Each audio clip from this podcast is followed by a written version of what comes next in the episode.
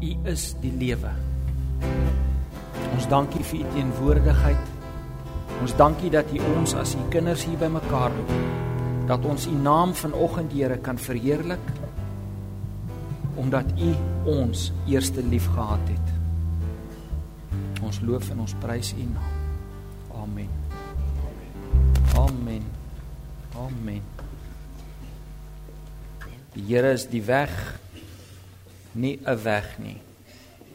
Die Here is die waarheid, nie 'n waarheid nie. En die Here is die lewe.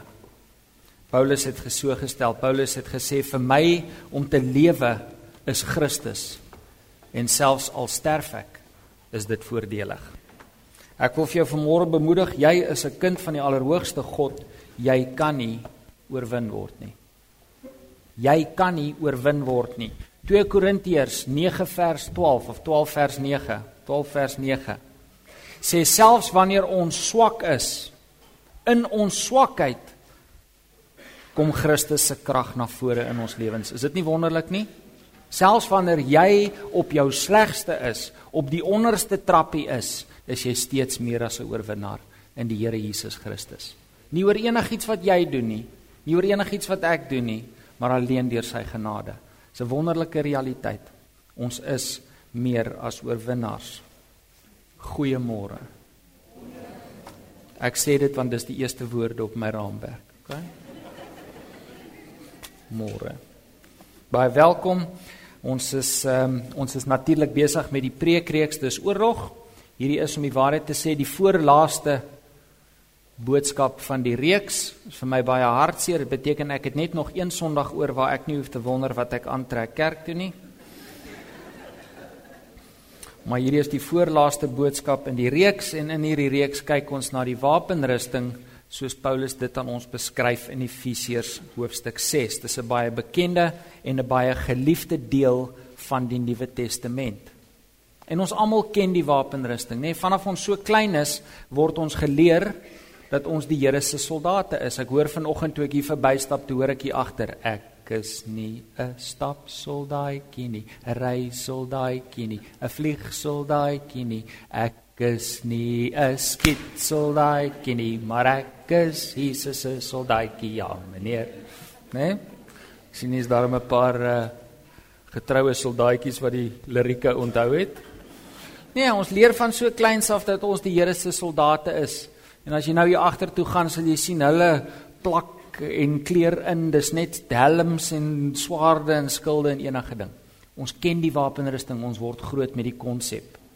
En in hierdie reeks was ons doel nie om die wapenrusting bekend te stel nie, maar om miskien in 'n bietjie meer diepte, geestelike diepte na die wapenrusting te kyk as wat ons voorheen al gedoen het. Nou, miskien moes jy met een of twee miskonsepsies rondom die wapenrusting afreken. Miskien het jy hier iets gehoor wat jy miskien voorheen verkeerd gehad het.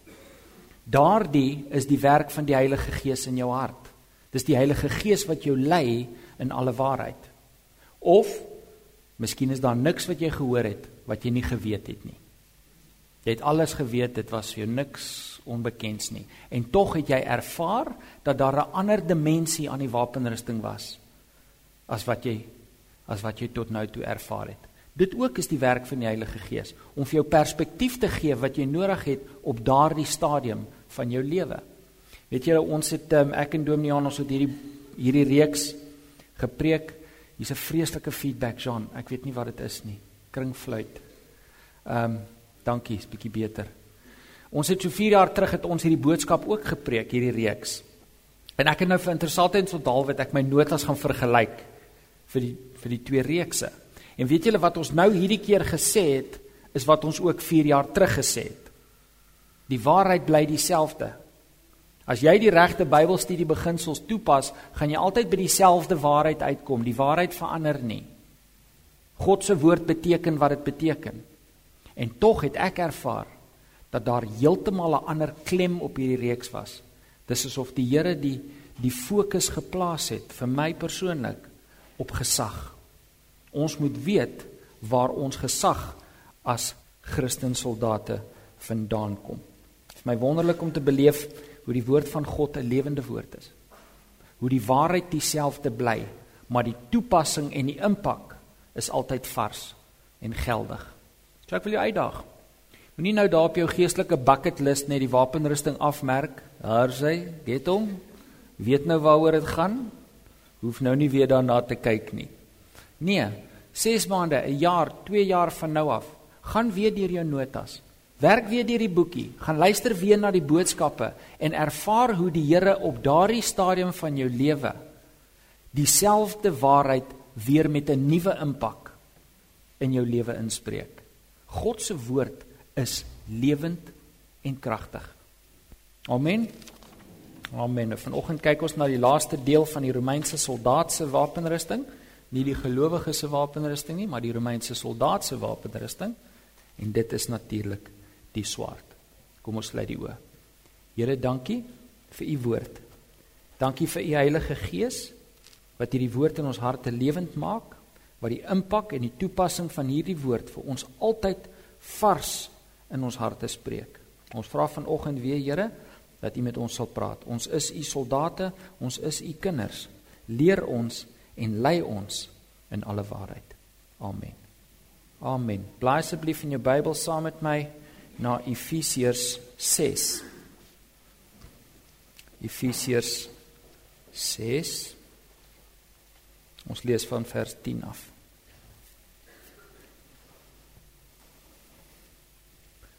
Verder nog dit: Soek julle krag in die Here en in sy groot mag trek die volle wapenrusting aan wat God julle gee sodat luister mooi sodat julle op julle pos kan bly ondanks die listige aanslae van die duiwel.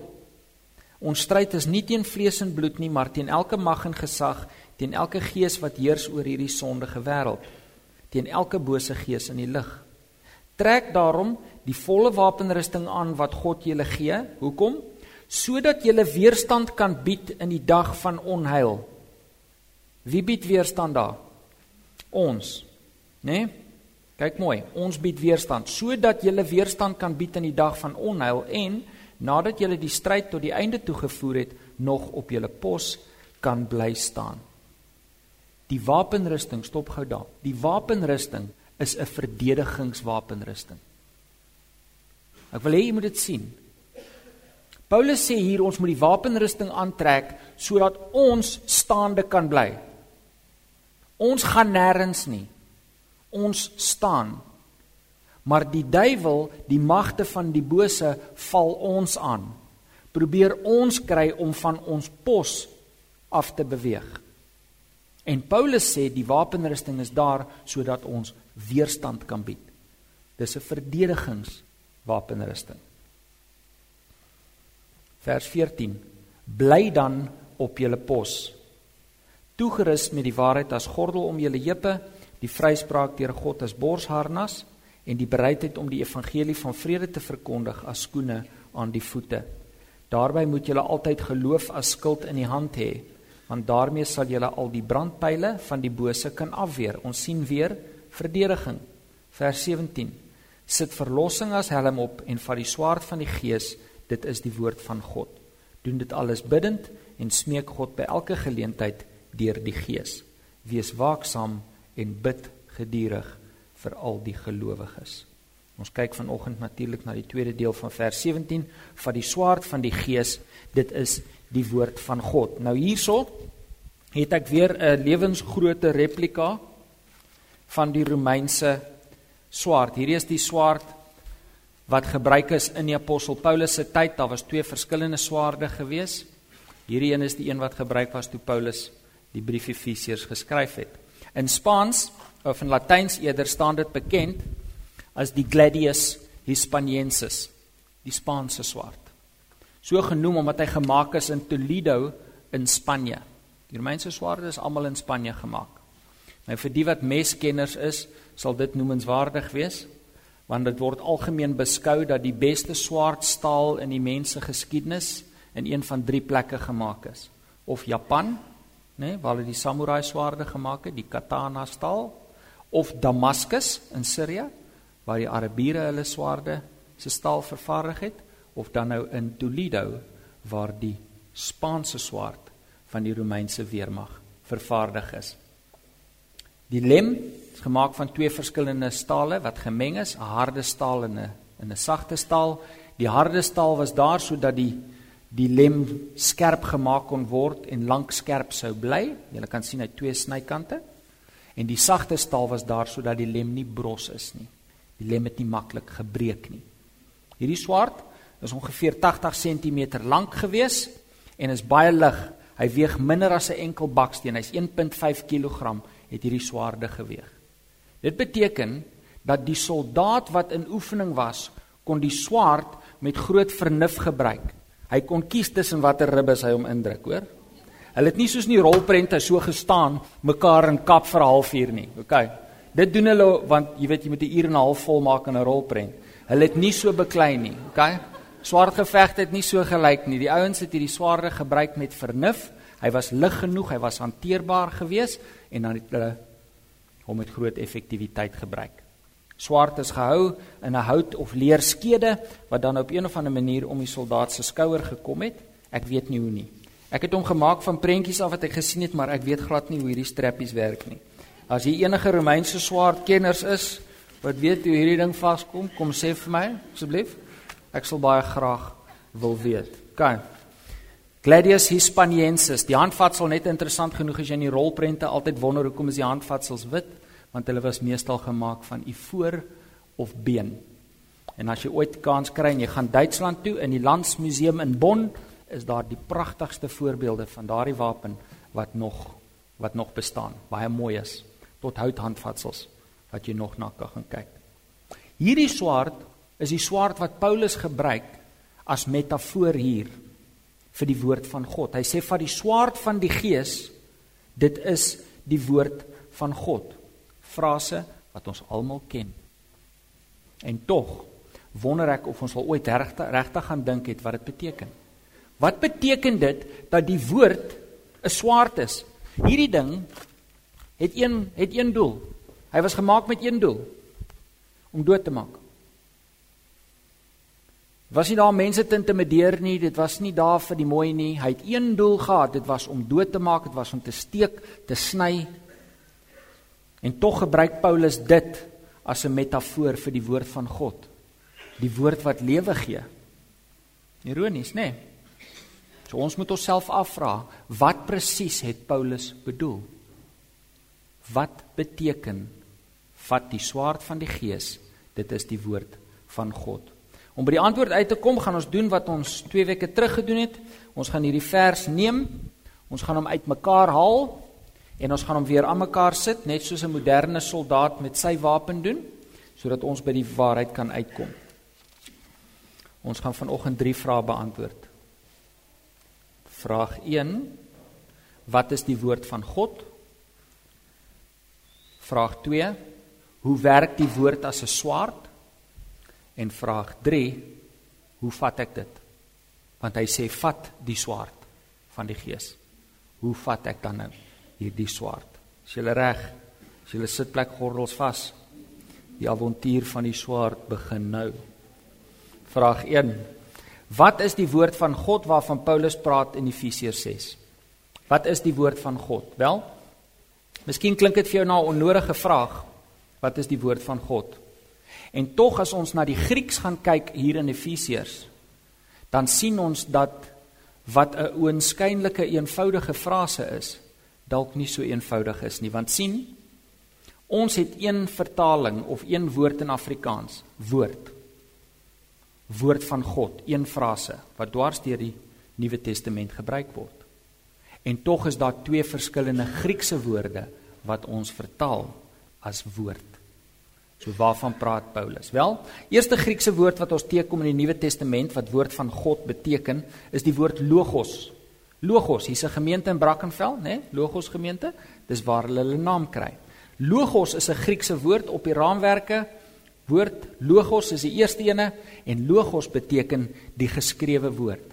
Dis die geïnspireerde geskrewe woord van God. Ander woorde die Bybel. Dis logos. En hier's 'n paar voorbeelde van waar logos gebruik word. 2 Timoteus 2:15, hy's daar op die raamwerke ook. Paulus praat met Timoteus, jong predikant, en hy sê vir Timoteus, Timoteus, jy moet die woord bestudeer. Jy moet die woord verkondig en hy sê dit vir hom so, hy sê jy moet iemand wees wat die woord van die waarheid suiwer verkondig. Jy moet die logos suiwer verkondig. Nou wat verkondig ons? Ons verkondig die evangelie. Ons verkondig die boodskap van hierdie Bybel. Amen. So Paulus sê vir Timoteus, jy moet die Bybel bestudeer, jy moet die skrif bestudeer en jy moet dit suiwer verkondig. Nog 'n voorbeeld, Lukas 8, Jesus vertel die gelykenis van die saaier wat die saad saai en aan die einde van die gelykenis in vers 11 gee hy die uitleg. En die Here sê vir sy disippels, die saad is die logos. Die saad is die woord van God. Weereens, wat saai ons? Ons saai hierdie woord. Ons saai hierdie boodskap. En 'n derde voorbeeld Johannes 15. Disippels vra vir die Here, "Hoe moet ons vrug dra?" Here, U praat van vrug, maar hoe doen ons dit? En die Here sê vir hulle, "As julle in my bly en ek in julle, dan sal julle baie vrug dra." En 'n tweede keer sê die Here, "As julle in my bly en ek in julle, dan sal julle baie vrug dra." En die derde keer sê die Here, "As julle in my bly en my logos bly in julle sal julle baie vrug dra. My woorde bly in julle. Dis die woord logos. Niks snaaks nie. Hoop nie jy het iets nuut geleer daar vir 'n oomblik nie. OK? Ons weet dit, dis die woord van God. Dis interessant en is noemenswaardig want dit is nie die woord wat Paulus gebruik hier in Efesiërs 6 nie. Die woord wat in Efesiërs 6 gebruik word vir die woord van God is die woord rema. Rema. Daar's 'n Rema kerk ook in Johannesburg. En dis waar hulle hulle naam kry. Rema. Rema is nie die geskrewe woord nie. Rema is die verhelderde of geopenbaarde woord. Rema is 'n spesifieke woord wat God in jou hart vir jou gee. Dis 'n woord wat direk amper wil ek sê in jou hart gespreek word of wat in jou hart verhelder word. OK, jy ken miskien 'n Bybelgedeelte, jy het dit al voorheen gelees, jy het dit al in 'n Bybelstudie hanteer, jy het dit op Sondagskool teëgekom. Ekskuus. Jy ken dit. En tog eendag sit jy hier en daar word 'n woord van die kansel af gebring en hierdie Bybelgedeelte is daar en ewe skielik is dit asof die Here 'n lig in jou hart aanskakel. En jy weet wat dit beteken. Jy besef wat dit te doen het met jou. Jy besef die impak van daardie woord op jou. Dis asof daar 'n verheldering of 'n openbaring in jou hart plaasvind. Iemand het al ervaar? Natuurlik, ons almal het, né? Ons sou nie vanoggend hier kon sit as ons nie gedoen het nie. Want iemand bring vir jou die evangelie. Iemand vertel vir jou Johannes 3:16. God het sy seun gegee, so lief het hy vir jou. Romeine 3:23, jy's 'n sondaar, jy moet gered word. Maar daardie een keer toe daai boodskap kom, toe maak dit sin. Toe is dit vir jou asof die Here direk met jou praat in jou hart. Daar was 'n verheldering van die woord. Dit is rema en dit is die woord wat Paulus in Efesiërs gebruik. Kom ek gee julle 'n voorbeeld van van rema in die Bybel. Johannes 6:63. Die Here Jesus praat en die Here sê Dit is die gees wat lewend maak. Die vlees is van geen nut nie. Die woorde wat ek tot julle spreek is gees en is lewe. Die rema wat ek tot julle spreek is gees en is lewe. Rema is 'n woord wat God direk in jou hart vir jou gee. Dis 'n verheldering of 'n openbaring in jou binneste. Nou goed. Die Rema kan 'n verheldering wees van 'n Bybelgedeelte soos ek gesê het. Maar die Rema kan ook die Here wees wat net in jou hart vir jou 'n instruksie gee. Jy's miskien besig om vir iemand iets te vertel en in jou hart onmiddellik dis asof jy die Heilige Gees duidelik hoor sê nee. Stop. Moenie sê wat jy nou wil sê nie. Né? Nee? Dit ook is Rema. Dit ook is die Here wat met jou praat. Jy weet jy moet gaan studeer. Jy weet dit want jy het al die Here in jou hart hoor vir jou sê jy moet dit gaan doen. Ek gebruik net 'n voorbeeld, hoor. Nou nie almal gaan inskryf nie. Daardie stem in jou hart is Rema. Dis die Heilige Gees wat direk met jou praat. Maar hier's iets baie belangrik. Daardie Rema woord, wat dit ook al mag wees, is altyd onderdanig aan die Logos. Die Here sal nooit in jou hart vir jou iets sê wat in teenstryd is met die Bybel nie, hoor? Nooit. Nooit. Ek het al baie mense in my lewe gehoor sê, "Ja, ek weet die Bybel sê dit, maar." Ek het al mense selfs wil sê, "Maar die Here het vir my iets anders gesê." Ek het 'n predikant geken baie jare terug, hy was 'n baie bekende predikant in Johannesburg gewees.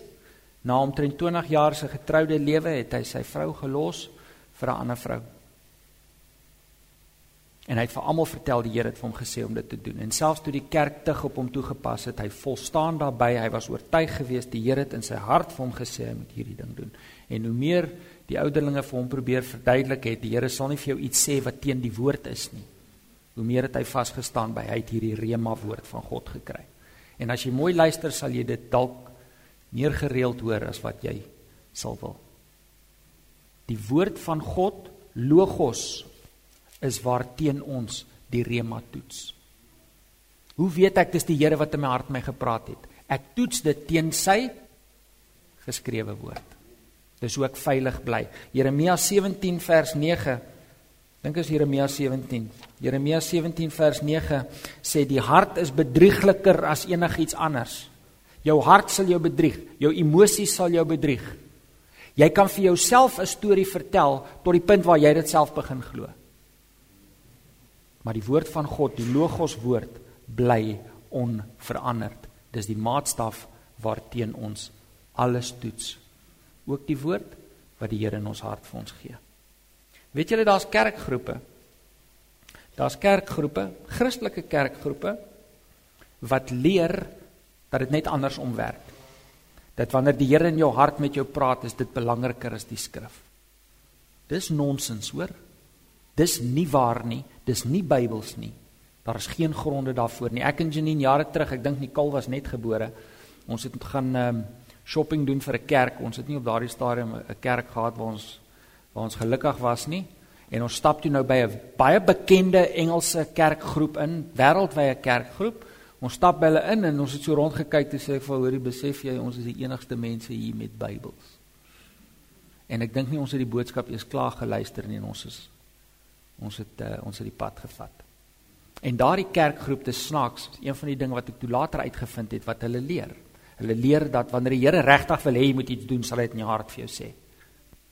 Jy weet jy hoef nie te veel te worry oor die skrif nie. Nee, daar's 'n logos woord en 'n rema woord en die rema woord is altyd onderdanig aan die logos. As jy iets in jou hart hoor wat in teenstryd is met hierdie Bybel, dan is dit nie die Here wat dit vir jou gesê het nie. Onthou die duiwel kom as 'n engel van die lig, né? Ons toets alles teen die logos. En tog is rema die woord wat Paulus gebruik in Efesiërs 6. Paulus sê: "Vat die swaard van die gees Dit is die geopenbaarde of verhelderde woord van God in die hart. OK, so vraag nommer 1 het ons beantwoord. Ek het vir julle gevra, julle moet julle sitplek gordels vasmaak. Ons het nog twee vrae om te gaan. Byt vas, ons gaan die wapen weer aan mekaar sit, hoor? Nie paniek nie. Vraag 2. Hoe werk hierdie woord dan as 'n swaard? Blaai vir my in jou Bybel nou na Hebreërs toe asseblief. Hebreërs, een van die laaste boeke in die Nuwe Testament. Hebreërs 4 Het ek gesê Hebreërs 12? Ek het bedoel Hebreërs 4.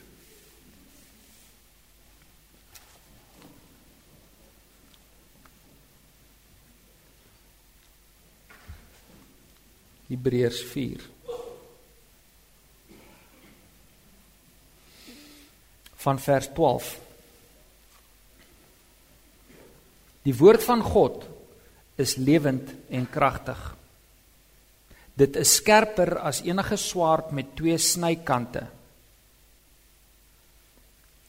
en dring deur self tot die skeiding van siel en gees van gewrigte en murg dit beoordeel die bedoelings en gedagtes van die hart.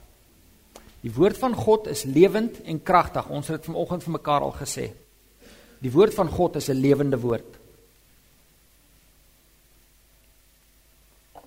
dit is skerper as enige swaard met twee snykante nou goed hierdie is 'n swaard met twee snykante En tog is hierdie nie die swaard waarvan die skrywer van Hebreërs eintlik praat nie. Daai frase skerper as 'n swaard met twee snykante is 'n frase wat ons dwars deur die Bybel sien. In die Ou Testament, um, ek en het daaroor gesels, ek het dit gekry in Psalms, Spreuke, Jeremia. Ek het dit in die Nuwe Testament gekry in Efesiërs, in Openbaring. Dis 'n frase wat dui op oordeel of beoordeling soos 'n regter. OK, dit was 'n Joodse gesegde, was 'n Hebreëse gesegde. Hulle sou praat, hulle sou sê, hoor hierso, ehm um, daai daai daai man vel oordeel soos 'n swaard met twee snykante. In ander woorde, hy onderskei tussen reg en verkeerd. Die swaard sny twee kante toe. OK, ek wil hê ons moet dit verstaan. Daai is 'n frase wat dui op beoordeling soos 'n regter. Die woord van God is lewend en kragtig. Dit is skerper as enige swaard met twee snykante. Dit beoordeel fyn. Dis wat daai frase beteken. Dit dring deur selfs tot die skeiding van siel en gees en van gewrigte en murg. Ek het baie jare gesoek vir die geestelike betekenis van gewrigte en murg. Ek beloof julle, ek het regtig dit was 'n worsteling in my gewees. Ek het so studeer, ek het begin dom raak weer van voor af, jy weet. Tot ek op 'n dag gesit en myself gevra het, maar wat probeer die skrywer hier sê? Weet julle wat sê hy? Hy sê hierdie swaard kan deurdring tot by die skeiding van gewrigte en murg. Nou goed, as ek hierdie swaard vat en ek skei jou gewrigte en jou murg, dan het ek dan het ek jou diep gesny, né? Nee? Dis diep sny maar die woord sny nog dieper. Die woord kan sny verby die been, verby die gewrig, verby die murg.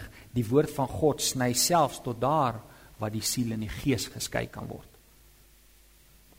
En as jy na die Ou Testament teologie gaan kyk, sal jy sien daar is nie 'n onderskeid tussen siel en gees nie. En dis juist die punt wat die skrywer van Hebreërs maak. In ander woorde, die woord van God beoordeel, maar hy beoordeel so fyn dat hy tot in die diepste diepste wese van 'n mens gaan. Vers 13 daar is ook niks in die skepping wat vir God onsigbaar is nie. Sien die woord van God beoordeel die bedoelings en gedagtes van die hart tot die punt toe waar ek niks kan wegsteek nie. Ek kan goed vir jou wegsteek ek kan goed vir my vrou en my kinders wegsteek vir my kollegas wegsteek maar jy kan nie vir God iets wegsteek nie nie jou gedagtes nie, nie jou bedoelings nie. Daar in die diepste van jou wese tot daar dring die woord van God in en bring hy 'n oordeel oor dit wat verkeerd is. Woord van God is lewend en kragtig. Dit is skerper as enige swaard met twee snykante. Dit dring deur selfs tot die skeiding van siel en gees, van gewrigte en murg. Dit beoordeel die bedoelings en gedagtes van die hart. Daar is ook niks in die skepping wat vir God onsigbaar is nie. Alles lê openbloot voor sy oë. Paulus sê hierdie is die reima. En nou weet ons hoe dit werk. Hoe werk daai reima? Ek het al hier gesit, dan voel dit vir my, die Johan preek, dan voel dit vir my asof die Here sy vinger so op die blou kol druk wat ek self nie eers aan wil dink nie. Daardie dinge wat ek miskien in my eie lewe nie verstaan nie. Maar die woord van God sny deur tot die diepste deel van my van my wese. Dis hoekom een van die eerste tekens van afvalligheid in 'n mens se lewe is wanneer hy ophou kerk toe kom, ophou Bybelstudie bywoon. Hoekom? Want ek moet onder die woord uitkom as ek wil volhard in my sonde. As ek wil aanhou sonde pleeg, kan ek nie hier sit Sondag nie. Ek kan nie Woensdaande in die Bybelstudiegroep sit nie. Want ek voel hoe die woord van God my uitmekaar sny. Weet julle en die en die en die en die wonderlikste ding van die woord is daar hoef nie gepraat te word oor hierdie ding in my lewe nie. Dis net die woord van God en tog sny hy tot daar. Tot daar. Ek het eendag 'n vriend, ek het gaan koffie drink saam met hom en hy het sy hart uitgestort oor 'n paar dinge in sy lewe wat nie reg is nie en so aan. En 'n paar weke daarna preek Dominee Johan. En na Dominee Johan se preek kom die vriend na my toe. En ek sien hy het nou 'n grap daarvan gemaak en so aan, maar hy vra vir my sê hy, "Het jy verloop en predikant alles vertel wat ek vir jou gesê het?" Ek sê vir hom, "Nee, hoekom?" Hy sê, "Nee, ek kan hoor jy het." Jy weet. En ek het nou natuurlik as 'n grap bedoel, maar dis hoe die woord van God werk. Ons kan praat oor hierdie ding en tog spreek die woord van God daai ding aan wat in jou lewe nie reg is nie. Die woord van God sny diep diep.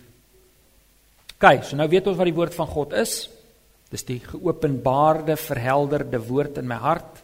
Dis die Heilige Gees wat direk met my praat. Hoe sny die woord? Hoe werk hy as 'n swaard?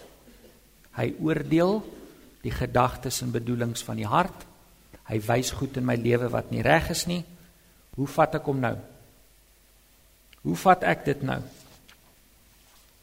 Want in Efesiërs 6 sê Paulus: "Vat die swaard van die Gees, dit is die woord van God." Wel, die Griekse woord vir vat is die woord dekomai.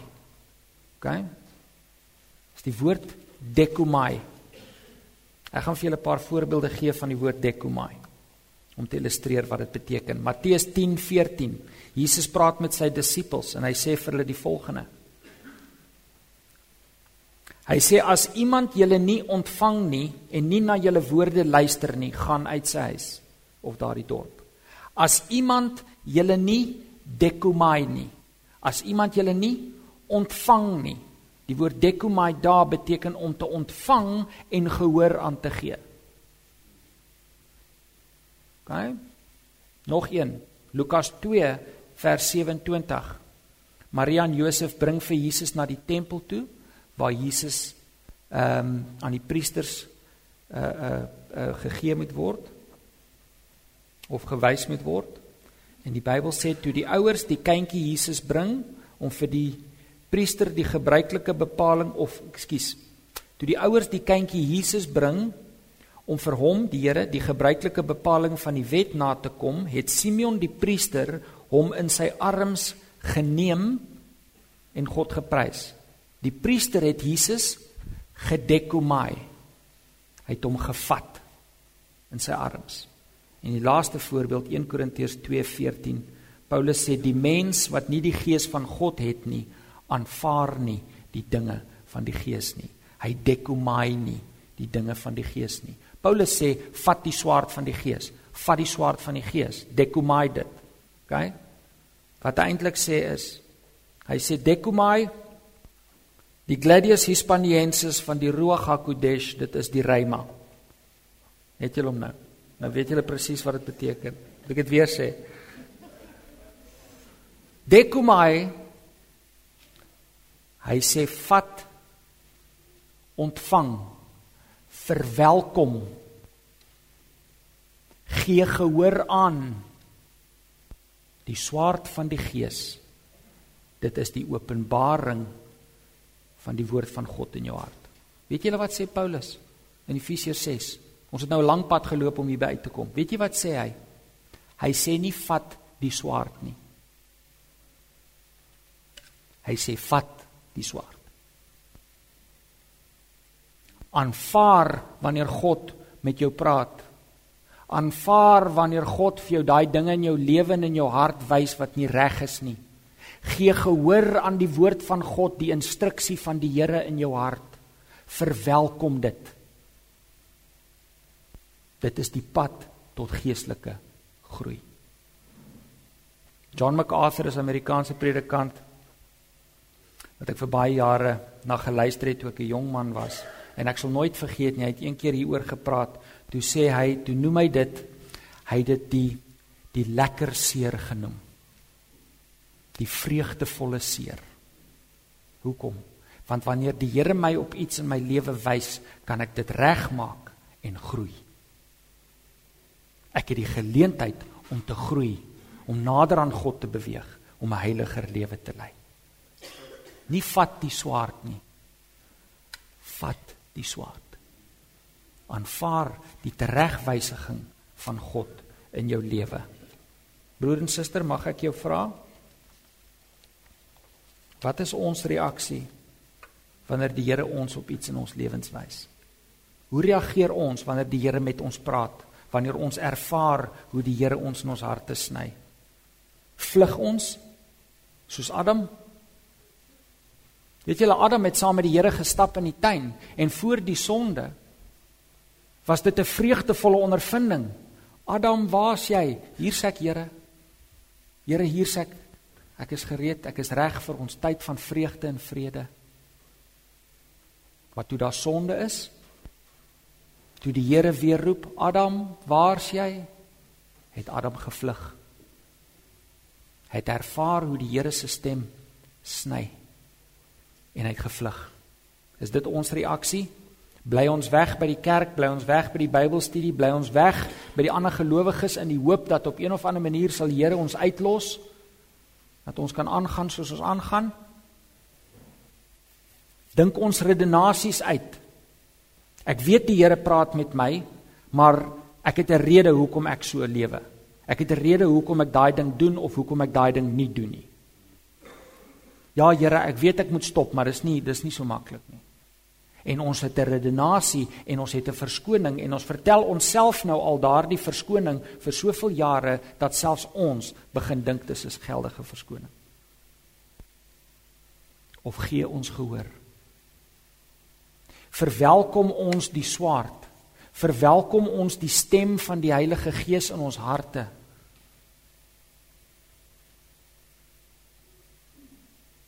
aanvaar ons die woord van God wat sny want ons weet dit kom van 'n liefdevolle Vader wat net die beste vir ons wil hê. Weet julle die woord van God wat sny? Nee. Dit is nie lekker nie. Dit is nie aangenaam nie. Maar dit is die pad na geestelike volwassenheid. Dit is die mes, dit is die lem waarmee God die kanker van sonde uit ons lewens uitsny. Mag ons reaksie wees, Here, praat met my. Here, wys my. Gee my die moed, gee my die krag, gee my die insig om gehoor te gee, om gehoorsaam te kan wees wanneer U met my praat, want ek weet dit kom uit die hart van 'n liefdevolle Vader. Broer en suster, die swaard van die Gees in ons lewens. Sonder dit is daar nie oorwinning nie. Ons kan die wapenrusting hê, Ons kan die skoene van bereidheid hê, ons kan die helm hê, ons kan die skild hê, ons kan alles hê. Maar as ons nie gehoor gee aan die stem van God in ons harte nie, is daar nie oorwinning nie. En sal ons nie op ons pos kan bly staan nie. Kom ons verwelkom die stem van die Here. Kom ons maak ons arms oop. Kom ons aanvaar die tugtiging van die Here in ons harte. Amen. Amen. Kom ons sluit die oë. Here, dankie. Dankie Here vir u Heilige Gees wat met ons praat, wat ons nie uitlos nie. Here, wat ons nie net los om baba Christene te bly nie, wat ons nie net los om te sondig nie. Dankie vir u liefde. Dankie dat ons kan weet, Here, dat hierdie stem, hierdie swaard, is 'n swaard van liefde. Ons vra dat U vir ons die moed gee, dat U vir ons die insig sal gee om gehoor te gee aan U stem wanneer U met ons praat. Ons is U soldate. Ons luister. Amen. Amen. Kom ons staan en loof